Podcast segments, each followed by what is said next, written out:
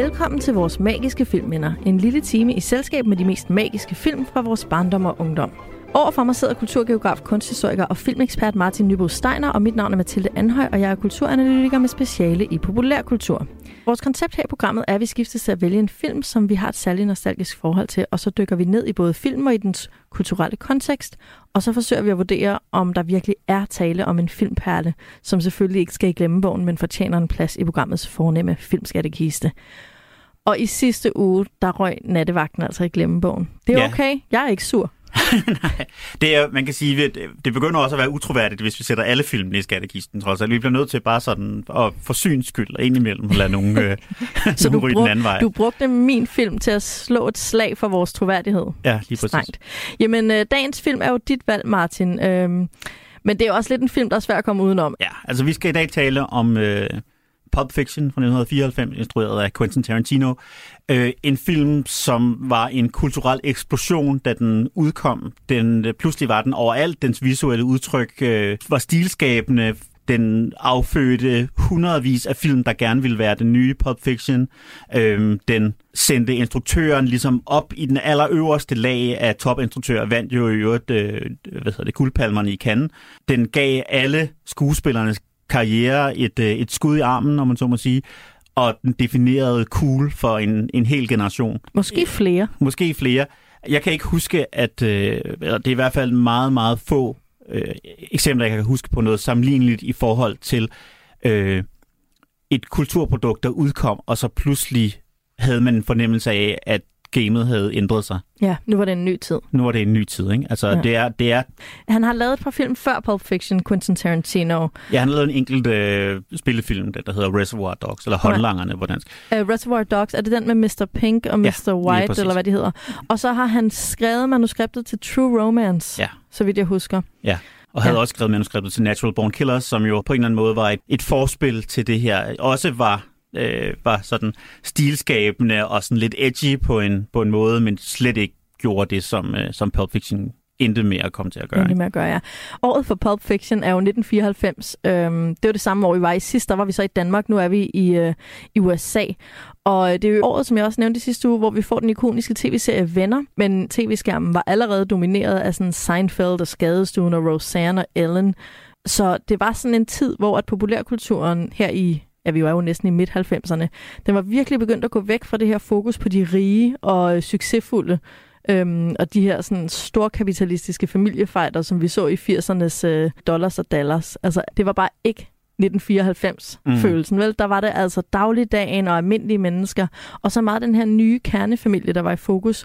Altså vennegrupperne, mm. ikke? Mhm. Altså vennerelationer, det er dem, der er interessante. Og det her dagligdagsfænomen, det er jo også noget, der fylder i Pulp Fiction. Altså Marcellus, som er sådan mafia- mafiosoen. Han er jo i baggrunden hele tiden, og han er rig, og han er succesfuld.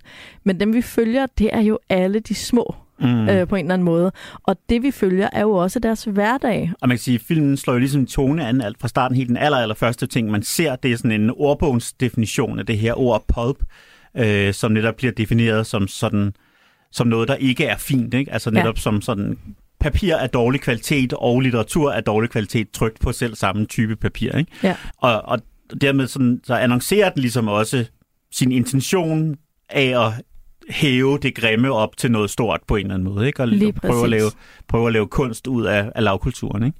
Ja, og det er jo sådan en slags forfaldsæstetik, som er sådan det der med at gøre det grimme smukt, men også at gøre død og sygdom og ødelæggelse. Det er jo noget, vi, vi kan se det helt tilbage til sådan gotisk litteratur.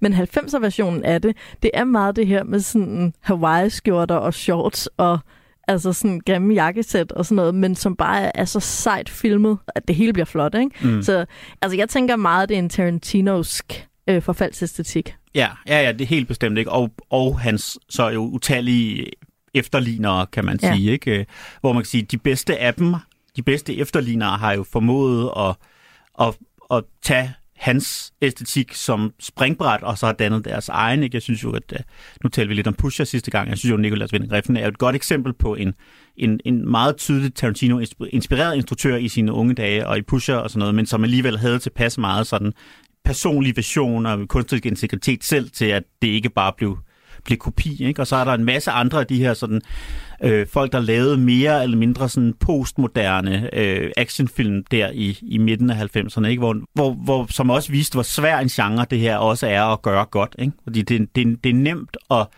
lave en voldscene, som man klipper hurtigt og lave nogle slow motion scener af folk i lækker tøj og sådan noget, men faktisk at gøre det til en god film, det er svært.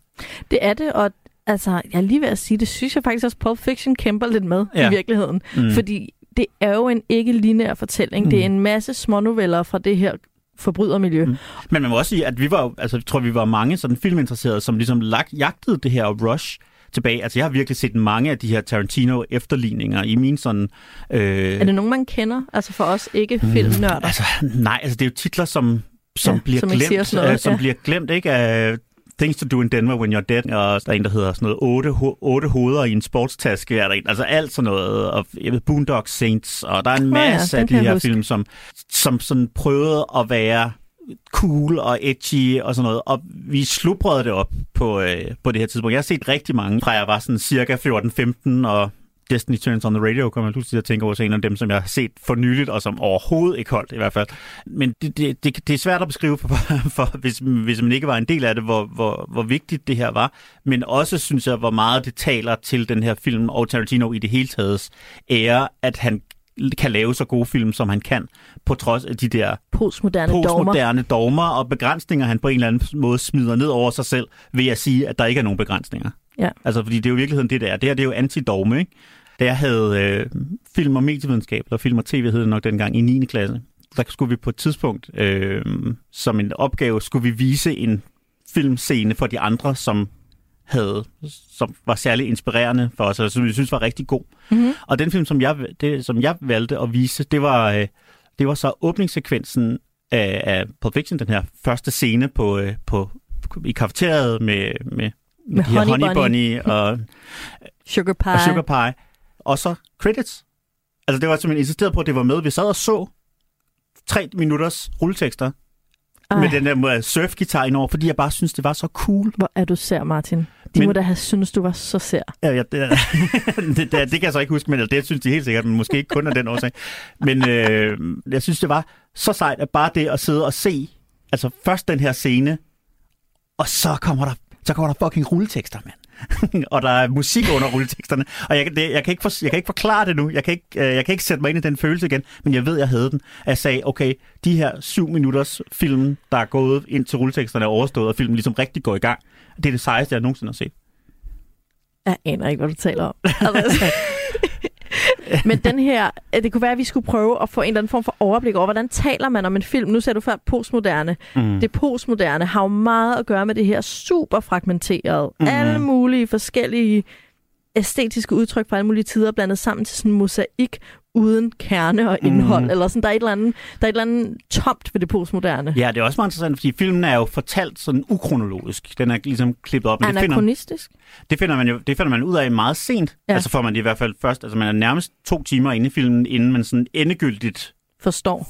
Er sikker på, nå okay, det er ikke. Fordi der har været nogle nogle situationer tidligere, hvor der er noget, der har været lidt underligt, og hvor de pludselig har skiftet tøj og sådan noget, men, men der sker ikke noget, hvor man sådan... Men det er jo en vigtig pointe, at vi ikke ved, hvor vi er i tid. Ja. Altså, det er jo ja, en del ja, af det postmoderne. Det er en total tidsforvirring. Og man skal sidde ligesom og rekonstruere bagefter, nå okay, det hvis her må vil. være, hvis man vil, ja, det her ja. må være sket før det her, og det ja. her må være, ikke? Altså, det kan det man er sige. jo en slags dekonstruktion af det lineære. Ja, fuldstændig. Helt, altså filmen prøver ikke engang på at få det til at hænge sammen. Mm. Altså, den er bare sådan, nå, jeg er da ligeglad. Altså, mm. den, den gør oprør mod den autoritet, som kronologisk tid er. Ja. det lyder ja. meget abstrakt, men sådan, det, det passer bare på Tarantino. Sådan, han er jo bare et, et never-ending ungdomsoprør. Mm. Og det med tiden er en af tingene. Han er sådan, det gider jeg da ikke. Jeg gider da ikke få det til at hænge sammen. Hvorfor skulle jeg det? Det kan du selv gøre. Mm. Det er meget flabet. Der, mm. der er noget meget flabet over den måde, den her film ikke er linær på. Jeg ja. kan mærke, at jeg bliver provokeret. Det gør jeg ikke, da jeg var 15. det gør jeg nu, hvor jeg er 35. Nej. Men altså, hvis vi skal prøve at dele ad, så kan vi sige, at det er sådan grundlæggende, at der er tre hovedhistorier. Vi har Jules' historie, og Vincents historie, og Butch's historie, vil jeg sige, er de tre sådan primære fortællinger med mm. nogle, sådan nogle bikarakterer, der ligesom svinger sig, og de tre historier svinger sig også ind og ud af hinanden. Men hvad for en scene skal vi tale om først, og hvem skal vi tale om først? Jeg er helt på røven. Jeg ved okay. ikke, hvad vi gør. Jeg synes, vi skal snart om at tale om Vince først. Jeg synes, vi skal tale om John Travolta først. You know what they call a, a quarter pounder with cheese uh, in Paris? They don't call it a quarter pounder with cheese? Oh man, they got the metric system. They wouldn't know what the fuck a quarter pounder is. And what do they call it? They call it uh, Royale with cheese. Royale with cheese. That's right. What do they call a Big Mac? Big Mac's a Big Mac, but they call it Le Big Mac. Little Big Mac. What do they call a Whopper? I don't know. I didn't go on a Burger King. Noget af det, der ligesom kom ud af den her film, det var det her med, at han, John Travolta, pludselig kom tilbage og... Tyk og langhåret. Tykker, tykker langhåret. Men, men det var også en stor del af historien. Okay, det er allerede, altså også her leger Tarantino med vores kronologi, at han tager ligesom det her 70'er relikvie, eller hvad sådan noget hedder. Øh, Er det ikke, når folk er døde? Jo, men, men, men i, sådan et ikon, som folk, som kulturelt set var døde, ikke? Ja. Øh, og pludselig gør den til indbegrebet af cool igen, ikke? Jo, men samtidig placerer dem, i stedet for at placere dem øh, på toppen af popkulturen, så er det sådan en falderet, altså sådan en mærkelig karakter, som jo er cool, men han er cool på en Mm-hmm. ikke succesfuld måde. Mm. Altså man kunne godt forestille sig, at øhm, Tony Mhm. øhm, fra Saturday Night Fever, at han voksede op til at blive den her Vince-gangster. Det Ja, kunne man ja. da. Eller Danny fra, øh, Danny fra Zuko, Grease. ja. Han kunne da sagtens være blevet Ja, ja. Vince fra Pulp Fiction. Ikke? Der er en eller anden følelse af, at han er faldet fra tænderne, men Mhm. har beholdt sin coolhed. Ja, ja, lige præcis. Øhm, ja, fordi han, han, er, ligesom, han er filmen starter, eller han er kommet tilbage fra Amsterdam, hvor han har arbejdet for den her gangster, Marcellus Wallace. Derover har nu han kommet tilbage til LA og skal ligesom arbejde for ham her. Og han har fået to jobs. Han skal ud og, øh, og øh, sammen med en anden gangster, Jules, skal han så ud og fange nogen, som har snydt den her gangsterboss, og så om Han skal, aftenen... han skal ud og skyde Han skal ud og slå dem ihjel, ja. ja. Øhm, og så skal han så om aftenen skal han underholde Marcellus' unge nye kone en aften, fordi Marcellus åbenbart er ude af byen, eller et eller andet, han i hvert fald ikke selv kan. Så det er ligesom de to opgaver, han har fået, som sine første opgaver er kommet hjem fra, øh, fra Amsterdam. Den første opgave går godt. De løser fuldstændig uproblematisk deres opgave og er ret cool undervejs og har nogle sjove Ja. samtaler om burger og oralsex. Mm, og, øh, som man jo har. som, som man jo har. Øh, og får skudt de her mennesker og får skaffet øh, Marcellus' med- kuffert med, med det ukendte indhold tilbage. Der er det, der er blevet tolket meget på. Det kan vi jo vende tilbage til, hvis de har tid. Øh, men jeg ved ikke, hvor vigtigt jeg selv synes, det er. Men den anden øh, aften går så til gengæld først rigtig godt, og derefter katastrofalt dårligt. Han falder nemlig rigtig godt i spænd med øh, Mia, gangsterbossens kone, spillet af Uma Thurman, øh, og har, har en date, hvor de, hvor de sådan... Øh, og sandsynligvis også påvirket meget af de stoffer, de hver især tager, men, men sådan har en rigtig god aften, øh, da de kommer tilbage. Han skal virkelig sådan overbevise sig selv om ikke at sådan, gå videre efter chefens kone, fordi han ved godt, at det er Så dør han. så, at, så dør han. Men øh, han er, som jo alle vil jo gøre, blevet totalt bjergtaget af Uma Thurman her, ikke? Øhm, det var mens så han enig, ligesom, men det kan jeg vende tilbage til. men mens han så er ude og, øh, og ligesom overbevise sig selv om, at, øh, at han bare skal gå hjem i seng altså, alene. han står ude på toilettet og sådan, du, skal- du skal bare gå hjem nu. Ja, du skal nu bare- skal du gå hjem. Ja, imens det sker, så, øh, over, så får øh, Mia-karakteren så en overdosis inde i, hun forveksler øh, noget heroin, han har liggende i sin lomme med coke, og derfor så sniffer hun det, øh, og, øh, og får en overdosis, som han så bliver nødt til at redde hende fra ved at køre han hjem til hans, hans sådan Pusher. drug pusher-ven, som har en sprøjte adrenalin liggende i den her meget ikoniske scene, hvor han sådan skal banke den her øh, øh, kanyle ind i hendes, øh, i hende, gennem hendes brystplader direkte ind i hjertet. Walk out the door, get in the car, go home, jerk off, and that's all you're gonna do.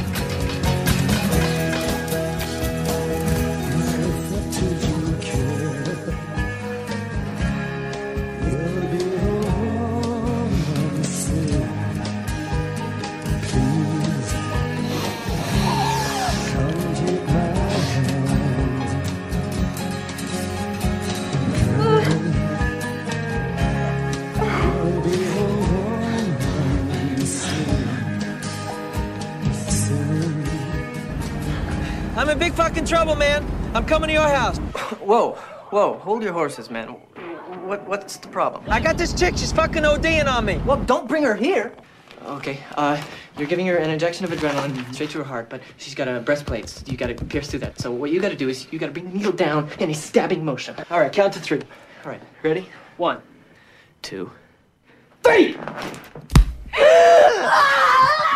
Det er den første gennemførte plotline. Det er de her to aktioner, som Jules er inde på. Hvad, hvad, hvad er din umiddelbare sådan, reaktion om, eller de opfattelse to? af de her to?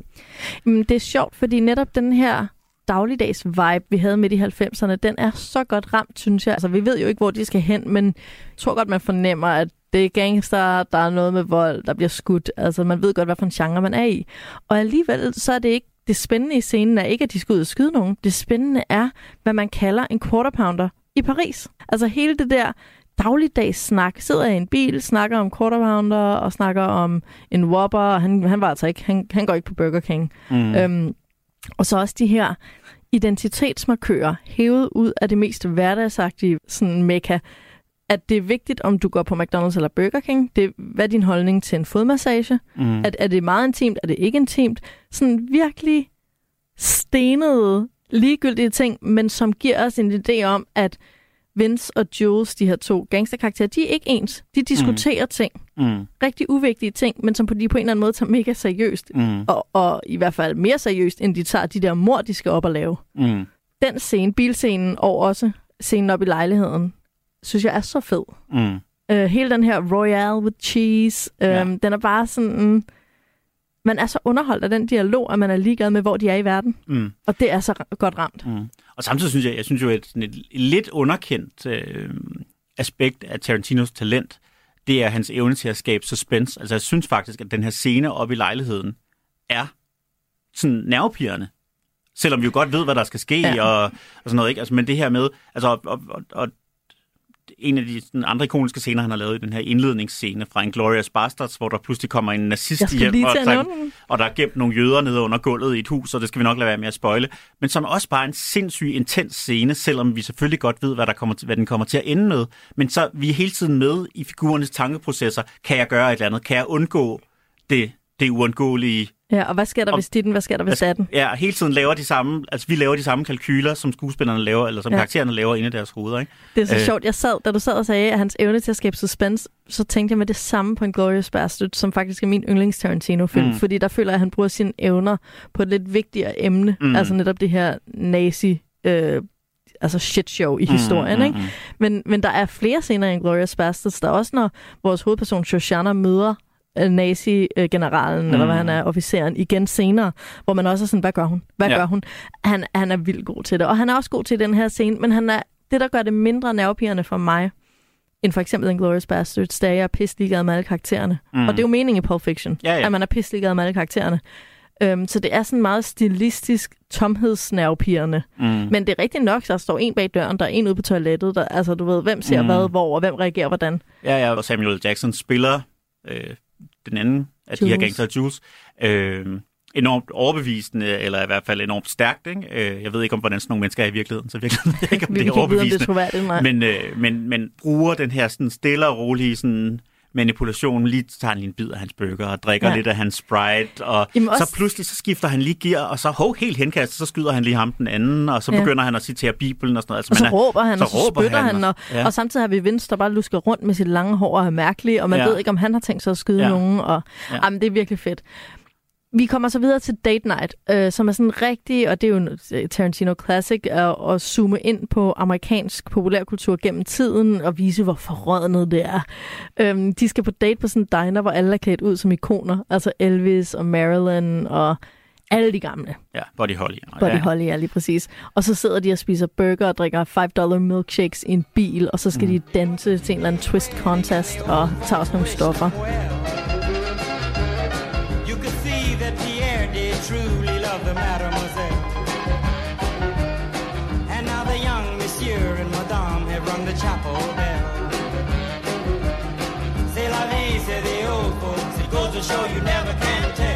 Og det er den her, sådan, han siger det jo selv, Vince, noget med, at det er som om, de er på et voksmuseum, hvor at voksfigurerne har en puls. Um, og det er jo det, han også ser popkultur som, samtidig med, at han elsker det. Ikke? Altså mm. det er Mm. den her mærkelige, jeg ved godt, hvor problematisk alt det her er, men jeg elsker det alligevel, Mm. mm. følelse, vi er mm. i. Mm. Det går skide godt, de danser, de kommer hjem, vi sætter noget musik på, og øh, Vince, som du siger, går ud på toilettet og har en, en, en uh, sit-down med sig selv omkring, ja. at han ikke skal have sex med sin chefskone. Jeg synes, det er vildt utroværdigt. Jeg synes ikke, det virker som om Vince på noget tidspunkt har lyst til at have sex med Uma Thurman. Nej. Altså, jeg, jeg tænker, at han prøver at finde ud af, hvad han faktisk skal gøre. Altså, er det uhøfligt? Sådan, bliver Marcellus mest sur? Hvis jeg fornærmer hende ved at gå tidligt fra vores Mm. date, så bliver hun sur og siger det til chefen. Og hvis jeg øh, bliver for længe og flytter med hende og gør, hvad hun vil have, hun vil sikkert have mig, fordi jeg er sådan en hunk. Mm. Øhm, så bliver han sur, fordi, du ved, jeg har været flyttet for meget med hende. Det føles for mig, som om han har nul seksuel eller anden interesse i Uma Thurman. Mm. Altså, jeg er faktisk enig med dig så langt, som at sige, at det var først mange gange, altså efter at have set filmen mange gange, at jeg ligesom blev bevidst over og netop det her med, at det er faktisk, han står faktisk og netop siger, Du skal gå hjem. du skal, du skal gå hjem. Ikke? Altså, Ja. det er faktisk det, der, Det er det, han siger, det, der ja. sker. En anden ting, som jeg synes, altså som jeg i hvert fald var lang tid om at bemærke, det er i den her scene, det er, hvor meget de her, stor en rolle de her stoffer rent faktisk spiller, og hvor meget jeg tror, vi må, vi må se den oplevelse, som, øh, som Travolta har at, at den her aften, også gennem de briller, at han er simpelthen også, er, at hun er, han er på heroin, og hun er på coke mm. øh, igennem hele aftenen, og det, det forvrider simpelthen deres perception, så noget af den her, altså, der er også, der bliver arbejdet lidt med perspektivet, den måde kameraet bevæger sig på inde i restauranten, og på et tidspunkt, så da øh, siger Uma Thurman, don't be a square, og så tegner hun en firkant med sine fingre, og det dukker op på skærmen og sådan noget. Med Ikke? en stiblet linje. Som, som en stiplet linje, ikke? Og, og, og, og det tænker jeg nu helt klart må ses som, som det her med, at deres, deres virkelighedsbillede også er forvrænget, udover at, at LA i det hele taget er sådan et simulakrum af virkelighed, hvor der altid er alle mulige niveauer af performativitet og, og kulisse lagt ind over alting, så har de så også ligesom fået lagt en ekstra sådan stofinduceret hende barriere imellem sig selv og, og virkeligheden. Ikke? Og det, det synes jeg faktisk giver noget endnu mere interessant til, til den Men jeg her tror også, det er derfor, jeg tænker, at John Travolta ikke er tiltrukket, fordi han er høj på heroin. Han Ja. skulle da ligeglad. Altså, sådan, han har det fint. Ja. Han Og har ikke samtidig- nogen interesse i hende. Og der, altså, der, der er hun bare tilpas lækker til, at det tror jeg altså ikke. Men det er noget andet, hvor jeg bare, hun ligner jo et mumie, Ja, eller hun ligner jo et skelet. Altså Ja. nu går hun også rundt i hvidt og sort tøj, og har en sådan sort paryk på, og har sådan accentueret sine meget store kindben, så hun ligner virkelig et, et ja, Ja, ja. ja. Hedder, sådan kraniehoved på en eller anden måde. Men altså, det var altså, Sådan var det i 90'erne. sådan var det i 90'erne. Jeg, nu, altså, det er jo selvfølgelig personlig smag. Jeg synes, Uma Thurman er meget, meget smuk, og det synes jeg, at jeg synes, der virkelig for, for sådan understreget den her. Mm. Altså, hun har aldrig været, sjældent været smukkere, som end hun er her. Især på en eller anden måde, ske, synes jeg jo også, at hende, hun ændrer sig jo også med hans blik. Altså, jeg synes, i starten, da han ser der ser hun sådan lidt træt i øjnene øh, ud og sådan noget. Og så senere, efter hun har taget det her coke, og også selv er blevet, så bliver hun friskere, og så bliver hun så helt smadret til sidst og sådan noget. ikke? Mm, jamen, det er rigtigt nok. Øh, jeg synes, der sker noget. En anden, sy- sy- synes jeg, er sjov ting, det var også, altså da jeg, jeg var jo kun øh, 13, 14, 15, da jeg så den her film første gang. Jeg så den i biografen øh, og købte den så på VHS, så snart det var, det var muligt, og viste den som sagt også frem for mine klassekammerater. øh, men der, har været ting, der var ting, som jeg simpelthen ikke forstod dengang, som det først senere. Netop det her med forskellen på kokain og heroin. Altså Ja. det tror jeg, tror jeg, man ikke jeg vidste på det tidspunkt, hvad, hvad forskellen var. Det var der- også, man så jo så meget fjernsyn, hvor der var noget med stoffer og overdosis. Ja, og, og det var bare noget med noget pulver og Ja, noget... og det var pisselig sådan, meget, men når man så ser den nu, så er man sådan, Nå, men det er fordi, han har fået noget virkelig ren heroin, Ja. og hun tror, det er almindelig coke. Ja, Så når hun laver og- en bane, Det er det, og, hun, og han får jo faktisk, altså han får jo at vide i starten, at af drugdealeren, at han er løbet tør for heroinposer, så derfor får han lige en kokainpose i stedet for. i stedet for. Så det er jo også derfor, når hun finder den, så tænker hun, at det er kokain, fordi den er i en kokainpose. Fordi hun er vant til det. Og hun er vant Ja. til, at den, når der er noget i den her slags pose, og derfor sniffer hun det i stedet for at Skyde skyde det. det eller ryge det, eller hvad nu- hvad man nu ellers ville gøre. Ikke? Ja, Øh, og det, præcis. altså, og det, hvad det præcist var, der skete, det, altså, det var mange år efter, at det gik op for mig, at jeg ligesom bare tænkte, "Nå, men hun, taget, ja, hun har taget for meget, og så har hun fået en overdosis. Ja, som det jo men det er, sker. som, det jo, som det jo også nogle gange sker i virkeligheden. Men det er faktisk... Men det er jo fedt, er når tilfælde ikke er tilfældige. Ja, Ja, præcis. Altså når det er sådan, om det var jo på grund af det der. Okay. Og det synes jeg jo i det hele taget, hvis vi ligesom skal hive os op på det sådan lidt højere i sådan analytiske plan, så synes jeg, at det er jo det, som den her film tager fra den her pulp fiction inspirationskilde, den har, den har lavet. Ikke? Man kan sige, de her thriller, gyser, romaner, sådan trivial litteratur for mænd især. Øh, det er jo det her, den rolle, som tilfælde og sådan kosmisk logik på en eller anden måde spiller, og næsten altid spiller i den her. Der er altid nogen, der, der pludselig lige falder over et eller andet tilfældigt, som så ændrer deres liv, eller ændrer deres skæbne, ja. eller, eller overnatter det helt forkerte sted, eller spørger den helt forkerte om vej og sådan, om natten og sådan noget. Ikke? Og det er, jo- jo det, der hele tiden sker i den her film. Det er, det, det er tilfælde uden for figurernes karakter, som så bringer dem Ja. et andet sted hen. Ikke? Det er det, man kalder øh, dawn, eller lazy writing, ikke? Dawn skrivearbejde. Øhm, Med det, mindre, man ikke gør, med mindre det er med vilje. Ikke? medmindre man netop paroderer det. Og på en eller anden måde, i den, øh, i den grad, at filmen har et budskab, og ja. jeg kunne jo godt argumentere for, at det her det er en film, der gør sig utrolig meget umage med ikke at have et budskab, men i den grad, den har det, så er det jo netop noget, der handler om, om en eller anden form for kosmisk retfærdighed, eller logik, eller et eller andet, og som ja. Jeg så ikke ved, hvad den vil sige noget om, men som i hvert fald er et tema, den bliver ved Nå, med at vende tilbage jeg til. heldigvis. Nå, Fordi at, øh, jeg har luret, at Tarantino har nogle gigantiske daddy issues og mommy issues, øh, og jeg tror, at hans projekt bare handler om at smadre sine forældre på film, så meget han kan. Mm. Men det kan jeg vende tilbage til, Ja. øh, når vi har talt lidt mere om selve filmen. Skal vi forbi Jules, nu hvor vi er ved Vincent? De er jo markere. Det synes jeg. Øh, fordi hans plot er jo så, at han, efter, den her, efter de har ordnet den her sag op i lejligheden, så kommer der pludselig, og det får vi først at vide i filmen meget senere, så lige derefter, at der er blevet klippet væk fra scenen, så kommer der en yderligere en af de her modstandere, eller hvad de nu Kriminelle. er, kriminelle, ud og, og plukker efter dem plø, øh, fra ganske få meters afstand, men alligevel formår ikke at ramme hverken Vincent eller Jules. De er totalt uskatte, og der er bare sådan et hav af skudhuller i væggen bag ved dem. Og det sætter så sådan en eller anden form for eksistentiel øh, religiøs krise i gang hos Jules, der gør, at han bliver nødt til simpelthen at lægge, lægge hele det her liv bag sig og sige, jeg kan ikke det her mere, jeg, jeg kan ikke det her liv mere, jeg har fået, jeg har fået et tegn fra Gud. En jeg ved ikke, hvad det. Ja, jeg ved ikke, hvad det her tegn er, men jeg ved, at jeg bliver nødt til at finde ud af det. Ja. Og så bliver, hans, så bliver hans proces i det bliver så stoppet af, at de så undervejs øh, kommer til, eller Vincent kommer til at, øh, at skyde øh, en af deres, sådan en, Gidsler? endnu en, der, er- nej ikke en gissel, han er jo en af deres hjælpere.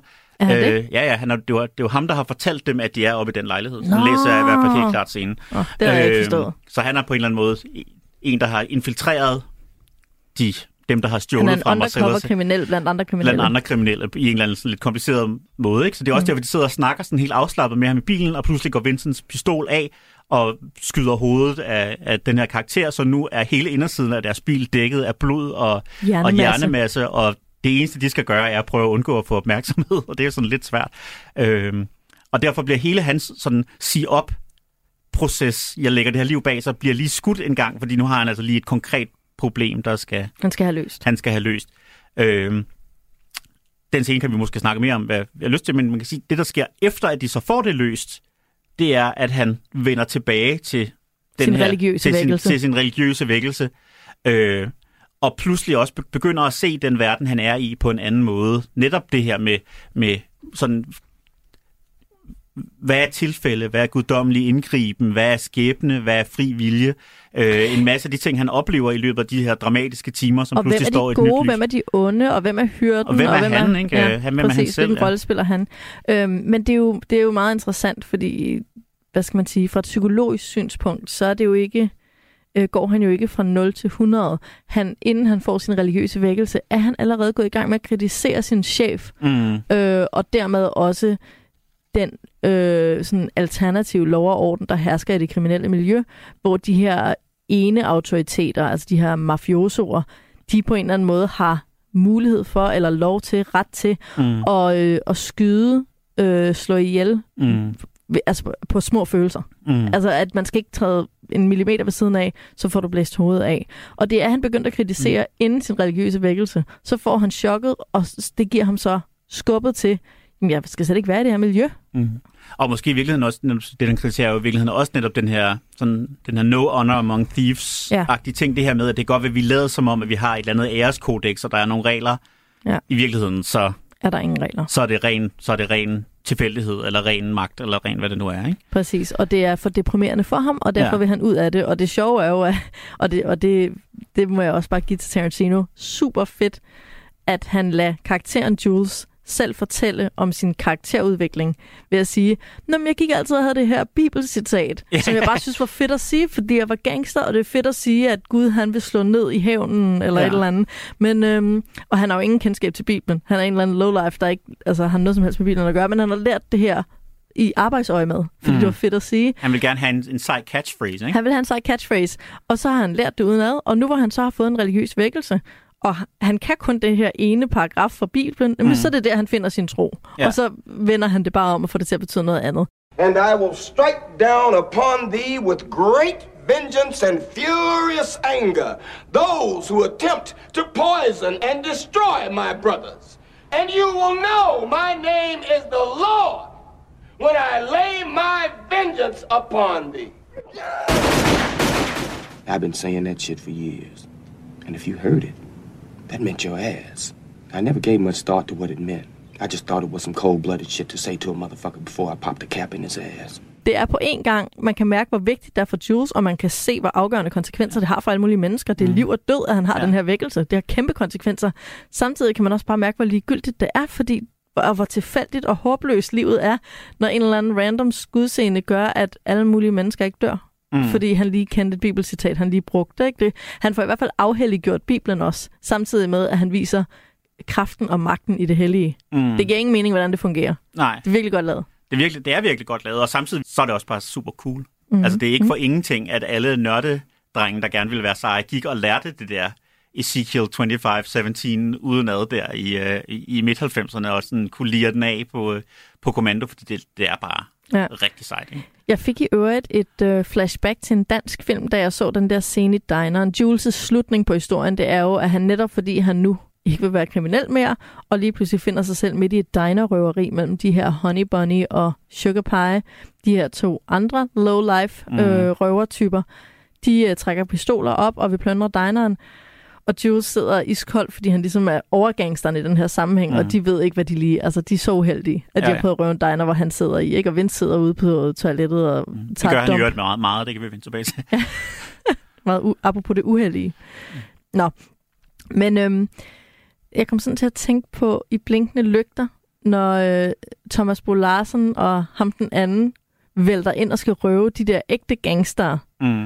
Øh, altså, om det, altså bare sådan som filmmanuskript type filmlaver, kunne det godt være en eksplicit reference, eller lige sådan en homage til Quentin Tarantino. Mm. Det der med øh, underrøverne, der prøver at røve overrøverne, ja, ja. uden at vide det. Og der er det jo også sådan, altså det der med, at Jules han sidder og ser på det, og sådan, er den voksne i rummet, Ja, sådan, uden de ved ja, det ja. ikke sådan, ej, hvad prøver I nu? Åh oh, nej, ikke? Ja, ja. Det svarer bare til, øh, altså Torkild, der er sådan, bare rolig, vi bliver røde, og sådan bare gerne vil give dem pengene, ja. og bare sådan give dem en succesoplevelse på arbejdet. Ja. Mens Arne rejser sig op og bare færdig at grine, og bare sådan trækker sin store, fede Desert Eagle, og sådan bare har lyst til at smadre de der små pismyr. Mm. Ikke? Og det er virkelig Ja. sjovt. Men det er, en, det er en fed scene, og Venstre kommer ind, og netop er lidt Arne, og sådan, skal vi ikke bare skyde dem? Og han er Ja. sådan, nej, jeg har et projekt. Ja, jeg Sådan, er faktisk lige i gang med noget her. Ikke? Præcis, jeg har en person lidt ligesom Torgild, ikke? Ja. Altså Jules bliver Torgild, og han er sådan lidt, nu har jeg lige besluttet mig, at de her unge mennesker skal have en god oplevelse. Ja. Fordi jeg har besluttet, at jeg vil være lovlydig, ja. ligesom Torgild i øvrigt, ikke? Jo, jo. Jeg har besluttet, at jeg vil være lovlydig, og øhm, nu vil jeg bare gerne sørge for, at de kommer afsted med nogle penge. Mm. Altså, Så- og det skal de. Ja. Altså, det mindede mig så meget om det. Ja. Øh, og så Venstre er bare sådan, han, er jo, hvad, han siger sådan et eller andet i retning af, hvis du giver dem pengene, så skyder jeg dem bare af princip. ja, og det er lidt Arne, der er sådan, så stopper det fandme. Ja. Altså sådan, Ja. Altså, det, det er fint længere. nok med alt det der. Ja, dit det der- pis. Det, det, det er fint nok, hvis du har lavet. Du kan ikke sidde her, og så vil give penge til de her mennesker. Det går Nej, simpelthen ikke. det kan, det kan simpelthen ikke være med. ja, det er meget morsomt. Men vi skal også nå Butch. Som er Bruce, Bruce Willis karakter, Ja. øh, som jo er, som er bokser, øh, afdanket på vej til, som får lavet en aftale med gangster Marcellus Wallace om, at han skal tabe med vilje i, øh, i sidste kamp. Øh, I stedet så vælger han så at snyde Marcellus og sætter en masse penge på sig selv, som han så selvfølgelig, og, og, og vinder kampen. Han slår så i øvrigt også sin modstander ihjel, men det er til synligheden ikke med vilje, det er bare et tilfælde. Men han har jo altså vidst, at han var en meget bedre bokser end, Ja. end den anden, og, øh, og derfor så, så, øh, så vinder han den, og så han sådan set får både de penge, han har fået af Marcellus, og gevinsten fra de penge, han har sat ved at spille på, øh, ved at spille på sig selv, som man så har tænkt sig at stikke af sammen med, øh, med sin franske kæreste. Øhm, eller fransk-kanadisk er hun vist egentlig. Øhm, og så, øh, det gør selvfølgelig også, at gangsterne ligesom kommer efter hende, kommer efter ham, fordi nu har han jo så snydt Ja, han har Øh, fucket med Mar- Marcellus. Marcellus Wallace.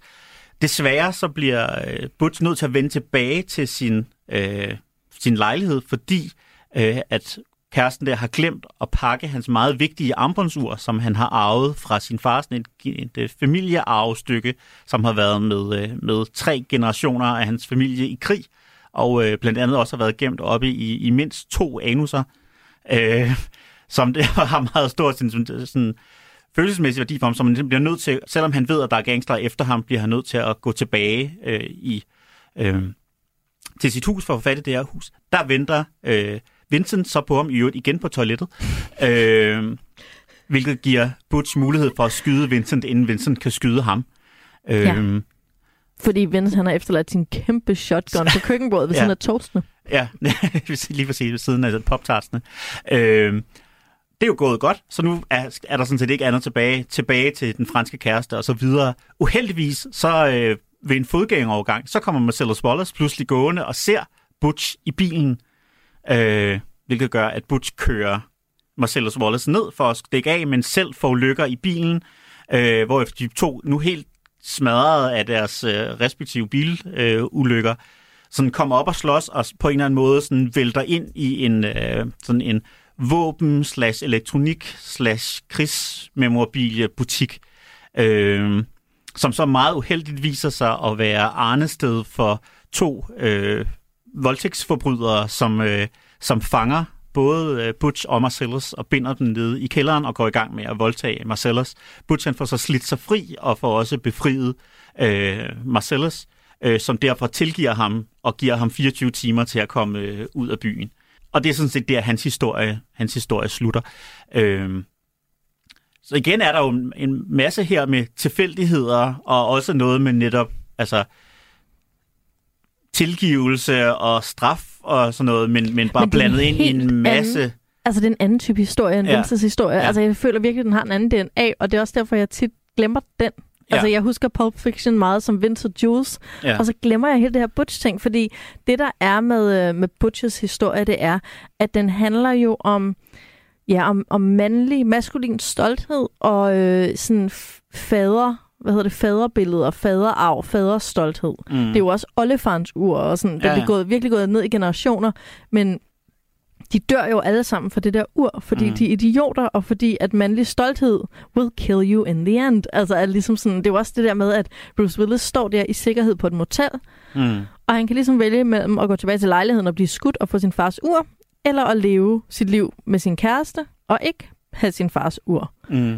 Og han vælger så at gå hen og blive skudt. Mm. Altså, det bliver han så ikke, men valget er jo reelt. Han Ja. vælger at dø for, for, for illusionen om en far. Mm. Fordi faren har aldrig været der for ham. og for illusionen om at, at føre en eller anden krigerslægt videre. Ikke? Altså det er sådan fire generationer. Ja. Oldefaren er i første verdenskrig, bedstefaren i anden verdenskrig, og faren så i Vietnam. Og nu er han er så blevet, han mangler sig ligesom sin krig. Ikke? Jo, jo. Øh, han, han har ikke været i, i, i Desert Storm. øhm, så han er bare blevet bokser. Ja. Så hans sådan, selvopfattelse som kriger på en eller anden måde er, er bundet meget til, at han i det mindste er krigerslægt. Ikke? Men vi får jo også at vide, at det her med at være krigerslægt er kun interessant for de her mænd på grund af deres øh, skrøbelige maskulinitet. Ja, ja. Det er jo kun derfor. Også det her med, at de skal gemme deres stolthed op i røven. Det, altså, det er jo at sige med lidt andre ord, at de godt kan proppe deres stolthed op et vist sted. Mm. Af det der fucking ur, der skal bo op i anus på diverse øh, soldater. Og det er jo også der, og det er jo ikke tilfældigt, at Bruce Willis kommer til at slå modstanderen ihjel. Det er fordi, han er så fornærmet og ydmyget af Marcellus' ordre om Ja, ja, at tabe med vilje. Mm. Mm. For, og Marcellus holder også en tale, hvor han siger et eller andet, øh, altså han er hans lille bitch eller et Ja, eller andet. ja. Ikke? Så han er, så han er så beaten down, Bruce Willis, på det her tidspunkt, at han slår fra sig med dødelig, Mm. mm. øh, med dødelig udgang. Ja. Fordi at at det her med undertrykkelse af mænds maskulinitet bare får dødelig udgang, Mm. når de så springer i luften. Ikke? Ja. Han er jo Det er i også hvert fald ikke noget, der giver ham sådan sønderlig øh, sådan grund til sønderlig overvejelse, da han får at vide, at den anden bokser er død, og det var sådan, "Nå, men han var alligevel ikke nogen særlig god bokser. Det er da synd for ham, men altså, det er sådan, ja, ja, whatever, ikke? Ja, Jeg er, i han, gang, jeg, jeg, jeg er i gang med min egen ting her, ikke? ja, præcis. Der er ikke nogen, altså, det er der ikke nogen følelser omkring, Nej. Fordi det er ikke et følelses, det er jo ligesom i krig. Altså, Mm. mm. folk dør i krig, folk dør i boksekampe. Sådan Mm. mm. er det, ikke? Men Det- igen, der- igen er der jo en par en finger af det her med underholdningsindustrien, ikke? For forskellen på krig og boksning er jo, at krig øh, er hvad skal man sige, de gamle generationers øh, overlevelses et eller andet imperiebyggeri, ikke? Mens at hele boksefænomenet, det er jo en underholdningsting. Det er jo der, hvor vi netop har det der øh, Quentin Tarantino-klassiske tema med øh, LA og fordærvet underholdning og ja, Mm, mm, mm. den der lækre forfaldsæstetik. Det er jo, det giver jo så, synes jeg, den eneste sådan, scene i filmen, som jeg hver gang jeg ser den, tænker over, at jeg ikke synes rigtig fungerer, nemlig den der første scene med Bruce Willis i taxaen sammen med hende der Esmeralda. Ja. Altså den scene har jeg, har, er det aldrig rigtig lykkedes mig sådan at få greb på, hvad det egentlig er, at den har af funktion, og hvad hun er for en karakter, hende der Esmeralda. Hun kommer jo aldrig tilbage. Hun, hun, er, hun er bare sådan en, en, en taxachauffør, som gerne vil vide, hvordan det er at slå nogen ihjel. Ja. Jeg ser den lidt som, øh, jeg havde glemt, det er sådan en af de scener i Pulp Fiction, jeg også altid glemmer af dig. Mm. Men jeg ser det lidt som en, øh, en kvindebillede, altså at placere en anden kvindetype. Der, Bruce Willis har sådan en kæreste, der er sådan top dum, top feminin, Mm. top overfladisk. Øh, en lille pige, han skal beskytte, øh, og som er sexet fransk. Mm. Altså sådan, basically en kvindelig version af at finde noget, som kan få ham til at føle sig som så meget mand som overhovedet muligt i alle situationer. Mm. Det er det, han er kærester med. Og det, han så finder i den her kvindelige taxachauffør, det er jo en brother in arms Mm. i kvindeversion. Det er den der... Øhm, altså, hun forstår ham, og hun dømmer ham ikke, og hun er hårdkogt ligesom ham, og han skal ikke beskytte hende, og hun, er, hun vil bare gerne vide, hvordan det er at slå nogen ihjel, ikke? Altså, Mm. mm. hvor hende der kæresten, som er, uh, ah, øh. Ja. Øhm, men, mens taxachaufføren er, er en rå kvinde, og en ligeværdig partner, men han går så hjem til den her øh, lille, lille sexkætten, han mm. har Mm. derhjemme, ikke? Mm. Men jeg tror, det er også bare fordi, at, altså sådan, at alle andre scener i den her film ligesom er puslespilsbrikker, der passer med noget Det andet. Og det gør den her ikke rigtigt. Altså, den kunne sådan set næsten... Altså, der er noget information, vi får, som vi skal bruge, men, bortset, men som vi godt kunne have fået på anden måde. Altså, sådan Ja. plotmæssigt kunne scenen godt have været undværet, ikke? Altså, Jo. så kunne han godt bare have kørt i en anden taxa. Men så kunne man spørge, er det vigtigt, at han får at vide, at han har slået ham der ihjel? ja. Altså, har det indflydelse på, at han vil tilbage efter sit ur? Mm. Eller et eller andet, ikke? Jo, jo. Men altså, det er heller ikke, fordi jeg får den fornemmelse Nej. overhovedet. Men det, der så sker, det, her, det er den her kælderscene, hvor de her to ekstra onde, det er hele tiden sådan noget med Mm. det der trick, du ved, men så laver vi bare en under, for så er du ikke ond. Men de her ekstra onde og hvide, og i øvrigt også korrupt politimand, alle Ja. hader. Ja, Altså, ja. top haderobjekt. Ja, ja, der skal man jo også se, vi er, jo også, vi er jo i LA ikke så lang tid efter sådan LA riots og sådan noget, ikke? Så, Ja. ja. så man kan sige, det der totale fravær, der ellers er af politi i den her film, øh, det eneste vi ser, det er så den her Korrupte. korrupte sådan lidt bunderøvsagtige... Øh, Øh, han er kodet som sådan en sydstats mm, øh, hillbilly, racist-type, der så i øvrigt øh, voldtager mænd. Jeg ved ikke, om Ja. det også er, et, øh, om der også er noget homo-had i, at, altså, det synes jeg, da- det synes at jeg, de det godt, onde skal være... Øh, det synes jeg godt, man, det synes jeg godt, man, man kan se, ikke? Fordi der er også, der er, altså, og, og- det, det synes jeg ikke er, altså det synes jeg er problematisk nu, ikke? At der er mm. helt klart det her med, at de er ekstra slemme ved, at de også så, udover at være onde, også på en eller anden måde er, er homoseksuelle. Og det her med, at de ligesom bryder det her analtabu over for Marcellus. Altså, de kunne have gjort alt muligt andet ved ham, og det havde ikke været lige så slemt, men nu har de... Ja, ja. Og det er jeg med på, men jeg tænker også, om det ikke er den eneste grund til, at de overhovedet skal voldtage ham. Er det fordi, at, at der skal være den her pointe omkring, at hvis der er noget, der kan få dødsfjenderne Butch og Marcellus mm. til at genforenes, så er det, hvis nogen vil gøre noget ved dem, som er værre end noget, de har gjort ved hinanden. Mm. Mm. Nemlig at voldtage dem. Fordi Ja. at den seksuelle hvad skal man sige, den seksuelle dominans er den værste ydmygelse af Mm. maskulinitet. Ja, ja, Vel præcis. egentlig. Ja, ja, hvor Øhm. man kan sige, der, der er en eller anden form for ære i at blive slået ihjel, ikke? Jo, præcis. Øh, Hvor det, det andet er på en eller anden måde ekstra ydmygende. Mm. Mhm. Ikke, altså, hvad var bare den mærkeligste, altså Mhm. kulturelle Ja. idé i verdenshistorien. Ja. Men det er jo også sjovt, nu sagde du selv analtabu. Altså uret er jo Mm. analtabu. Altså Mm. han er jo, Bruce Willis har jo selv, kommer fra en lang slægt af mænd, der godt vil have noget op i numsen. Altså der har deres stolthed i numsen. Og så er der jo også det her med netop, at ideen, eller hvad skal man sige, joken, den visuelle joke omkring, at mænd opbevarer deres stolthed op i røven. Øh, og derfor må de selvfølgelig ikke have Mm. analsex, eller sådan blive voldtaget analt, fordi det er der, der stolthed sidder. Mm. Altså, det, jeg ved ikke, om det er med vilje, men det sad jeg og tænkte på. Ja, jamen, jeg synes, det er svært ikke, at- ikke at få den tanke, ikke? Ja, ikke? At, at, at, altså, det, at, at der, er, der, der er der en parallel mellem, altså, mellem de to brug Ja. af, af, af sådan mas, den mas, det maskuline røvhul, ikke? Ja. Øh, Vi, vi, kan vi lige nå forbi Quentin Tarantinos egen rolle i den her film, ja. som jo er det her lille intermezzo, ja. hvor at uh, Jules får udsat sin religiøse vækkelses uh, personlige selvudviklings uh, arke, Mm.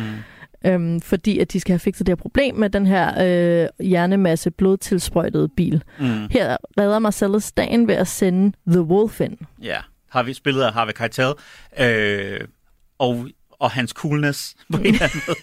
som bare Dukker er op den, i smoking som, om som dukker op i sm- smoking. De ringer til ham, hvor han til synligheden er til et cocktailselskab, selvom vi får at vide, at klokken er 8 om morgenen. Det er sådan lidt uklart, hvad han egentlig laver.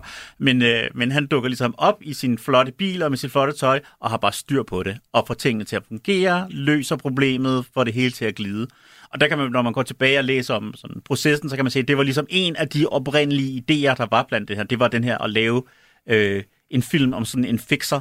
Ja. Øh, og, det, og det som så endte med kun at blive et lille aspekt af, af den her, og i virkeligheden et godt et aspekt, som plotmæssigt godt kunne have været undgået, men mm-hmm. som bare er rigtig fedt, Ja. eller været undværet, hedder det på dansk, øh, som bare er rigtig fedt, fordi han spiller den der coolness-karakter, Ja. ja. så godt har karakter, ikke? Men også fordi- Man er totalt draget af ham, og man kan godt forstå, at de andre karakterer bare kigger på ham og gør det, han Gør, siger, som ikke? han siger, ja. Vince prøver jo at gøre oprør, det går ikke så godt. Take the body, stick it in the trunk. Please would be nice.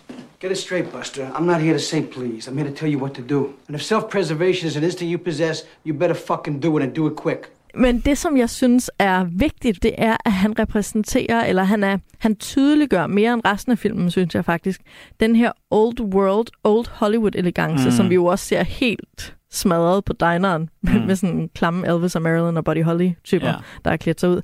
Men han er den her old world Hollywood-elegance, der kommer ind og skal fikse tingene, og er sådan overnaturligt dygtig. Mm. Og alle ved, det er sådan, åh, oh, det er the real deal. Han er Ja. den ægte vare, ikke? mm. Og hans måde at fikse tingene på, det er at få dem til at, at ligge og skrubbe på bilen, og, hælde, og så finder han nogle kludetæpper, han putter over sæderne. Ja.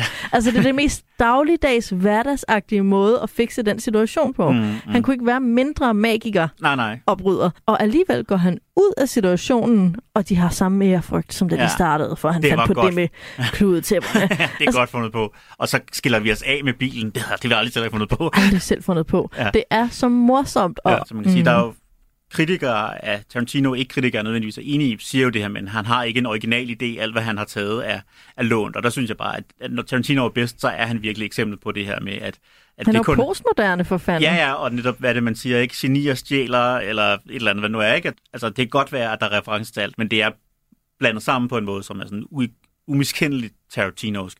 Men en af de ting, der er, det er jo det her netop æres begreb, og den her diskussion om, er der overhovedet en ærefuld måde at leve på i den her verden?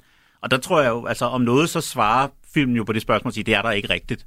Der kan man godt bilde sig selv det ind, men i virkeligheden er der det ikke rigtigt. Og alle de her illusioner til ting, som Tarantino jo også selv har dyrket, alle de her sådan, samurai-citater og netop Old Hollywood og sådan noget, altså det er, det er illusioner, ikke? og man skal mm. ikke krasse særlig meget i overfladen før, så, så kan man se, hvad det er, der ligger nede bagved. Ikke? Ja, psykologiske komplekser. Ja, Det Bruce Willis finder jo øvrigt også vores, øh, vores elskede samurai-svær, ja. Som, hvor man jo sender en kærlig tanke til Kevin Costner og Bodyguarden, ja. øh, og som ja. selvfølgelig er det bedste, nu vil jeg ikke sige penis, men den bedste våbenpenis at øh, henrette krænker med. ja, ja. Ja sådan, Kæft, som mand. det vil penet- penetreres med det der svær, ikke? Præcis, penetreringsdrabet. Øh, Ja. drabet. Prøv at høre, Mm. det er, jeg kan ikke lade være med at sidde og se den her film og føle, at den er, altså jeg synes også, den er sej og fed og alt muligt. Jeg synes også bare, den er sindssygt umoden. Mm. Der er så meget vrede og had og hævnfantasier. Altså det der magtesløse barn, der bare skal hævne sig på Marcellus, på mm. øh, den korrupte politimand. Altså hele tiden er der bare nogen, der skal hævne sig på nogen med uretfærdighed. Mm. Og øh, så lavede jeg jo den kæmpe fejl at øh, læse lidt om det. Og desværre er rigtig mange af, mange af Quentin Tarantinos skuespillere ender, øh, sikkert efter Harvey Weinstein, mm. øhm, Som jo også produceret den her film. som har produceret alle Tarantinos film, fordi ja. de er buddies for life. Ja. Øh, ikke dermed sagt, at Tarantino synes, at Harvey Weinstein er en fed fyr, det tror jeg bestemt ikke.